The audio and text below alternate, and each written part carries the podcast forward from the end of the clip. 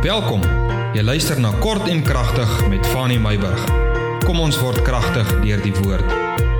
So groet ek jou dan vanmôre op hierdie 20ste dag van Junie 2023.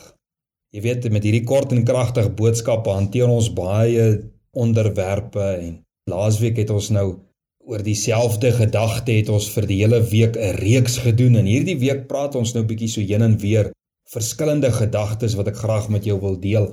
En ek wil vandag met jou gesels oor miskonsepsies van die woord.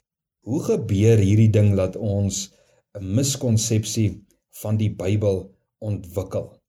En nou wil ek vir jou lees uit Psalm 119 vers 25 en Job 33 vers 4. Psalm 119 vers 25 sê: My siel kleef aan die stof En dan vra Here, hy het 'n gebed tot die Here omdat sy siel kleef aan die stof, omdat hy aards is, omdat hy mens is, omdat hy vlees en bloed deelagtig is, dan vra hy: "Maak my lewendig na u woord." Hy sê: "Here, u woord kan my geestelik lewendig maak." Maar my siel hierso word so vasgehou deur die aardse, die vleeslike, die stoffelike, maar ek vra Here dat u my gees lewendig sal maak na u woord. Job 33 vers 4 sê die gees van God het my geskape en die asem van die Almagtige maak my lewend. Die asem van die Almagtige is die woord wat gespreek is, nê? Die oomblik as jy jou asem gebruik, gebruik jy dit nie net om te lewe nie, nie, net om in en uit te asem nie, maar jy gebruik jou asem om te spreek. Dis hoekom hy sê die asem van die Almagtige, dit wat God oor my geblaas het, dit wat God oor my gespreek het, dit maak my lewendig. Nou hier is al klaar vir ons uit hierdie twee verse is daar vir ons 'n riglyn tot wat ons verhoed om miskonsepsies van die woord te vorm en hoe om dit uit te ken hè. Nou ek het gou 'n grappie wat ek gou vir jou wil vertel. Ek vertel nou nie altyd grappies nie, maar weet jy hierdie ding maak man net vir my altyd dit is vir my so oulik. Marai sê vir Gatiep: "Jy moenie dink jy sal by die hemelse hek ingaan as jou asem so na drink stink nie. Gatiep sê: "Ja, Marai, jy hou vir jou baie slim nê, maar daar's 'n technical point van hemel toe gehad wat jy nie van weet nie." My se asem, Gatie Sami, ek blaas hom mos net hier uit.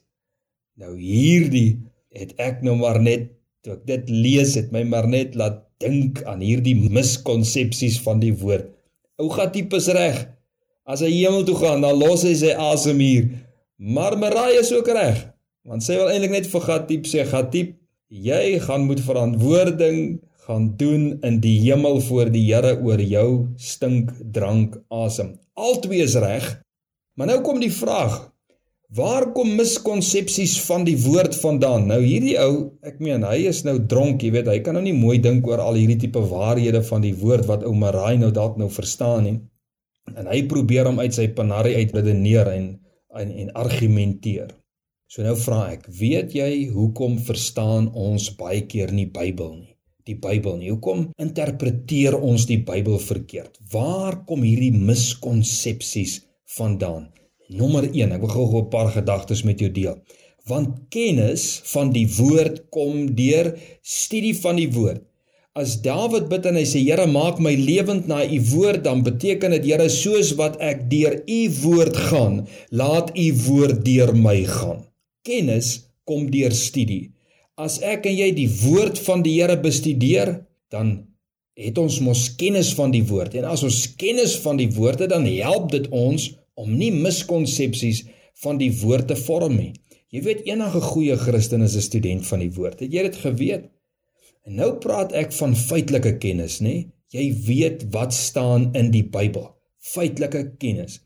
Ons lees mos soms die Bybel soos ons deur 'n koue stort spring. Het jy dit al agtergekom? Dit gaan vinnig, net die nodigste en die stinkste plekke kry aandag. Dis al. Dis hoe ons die Bybel lees. Ons gaan vinnig daardeur om net die nodigste dinge raak te lees en toe te pas in ons lewe en om dalk antwoorde te kry vir die stinkdele van ons lewe wat ook aandag moet kry. Op Sondagskool het ons mos nou gesing dat as jy bid en jy Bybel lees, dan groei jy geestelik. En dit is wat Dawid sê. Hy sê Here, maak my lewend na u woord. Ek gaan lewendig word. Ek gaan geestelik groei as ek u woord bestudeer, as ek kennis opdoen van u woord. Dit is so eenvoudig. Jy as kind van die Here moet in die woord inklim soos in 'n borrelbad op 'n wintersdag. Jy moet nie deur dit gaan soos 'n koue stort nie, jy moet dit in dit inklim. Die woord moet jou omsingel. Die woord moet jou verkoop. Die woord moet jou verander. Dit moet die koudheid uit jou hart uitdryf en jy wil daar bly en as jy uitklim dan sien jy uit om weer terug te klim in die woord in. Dit is die beginsel. Kennis van die woord kom deur studie en as jy daardie kennis het outomaties dan sal daar nie 'n miskonsepsie van die woord plaasvind nie. Die tweede gedagte is hoekom daar miskonsepsie? Ons verag openbaringskennis. Hoor wat sê ek en dis wat Efesiërs van praat. Openbaringskennis kom vanuit die bidgedeelte van die sonnaarskoolletjie. Die sonnaarskoolletjie het gesê ons moet Bybel lees en ons moet bid. Ons het nou gepraat oor die kennis, nê, nee, net om die kennis, die feitelike kennis op te doen. Maar nou openbaringskennis kom deur gebed. Wanneer jy bid, dan vra jy Here, gee my u gees wat openbaringskennis aan my kan gee. Daardie kennis wat my verduidelik wat die feite beteken wat ek nou raak gelees het waarvan ons nou gepraat het. Ek vra Heilige Gees leer my deur openbaringskennis wie Jesus Christus werklik is. Heilige Gees, maak my geestelike oë oop om te kan sien dat daar hoop in ons roeping is. Onthou ons is geroep uit die duisternis in die lig, uit sonde na Christus, uit ongeregtigheid in geregtigheid en dat ons 'n erfenis het en dat daar rykdom in ons erfenis is. Daar is 'n hemelse erfenis. Ons het 'n koninkryk en die koninkryk is nie van die aarde nie.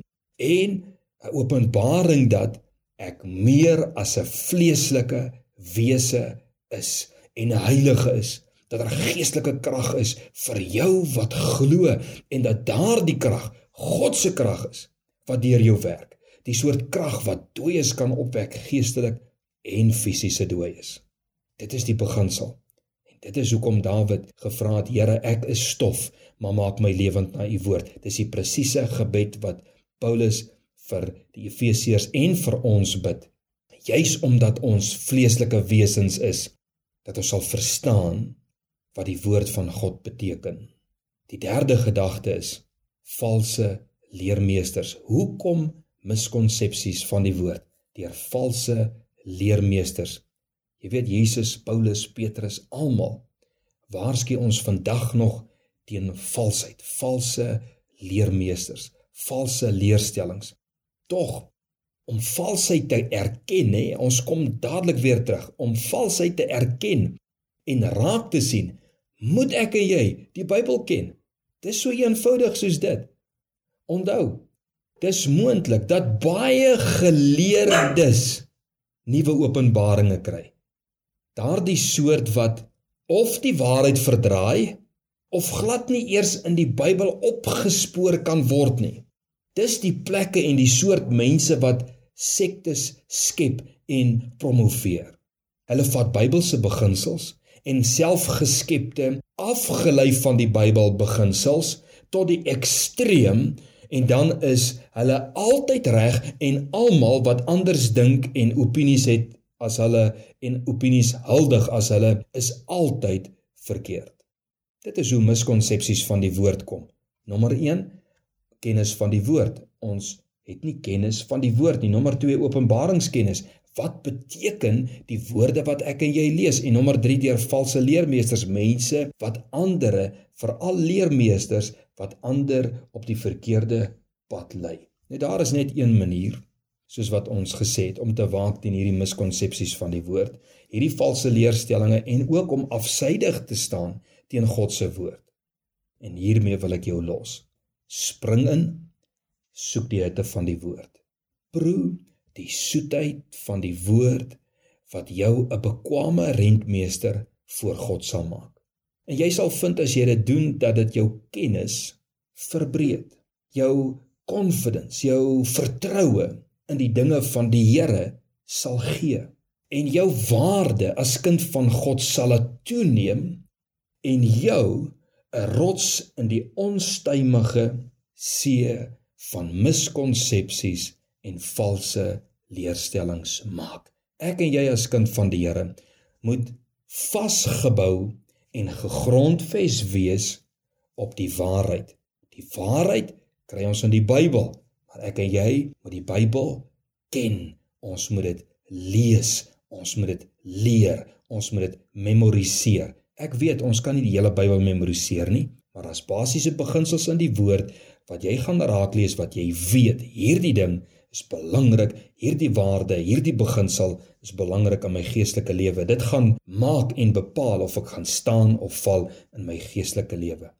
Nou toe, kind van die Here, waarvoor wag jy? Gryp die woord, spring in sodat jy al hierdie miskonsepsies kan vryspring wat so gerieflik na ons kant toe kom. Seën en vrede tot ons môre weer gesels.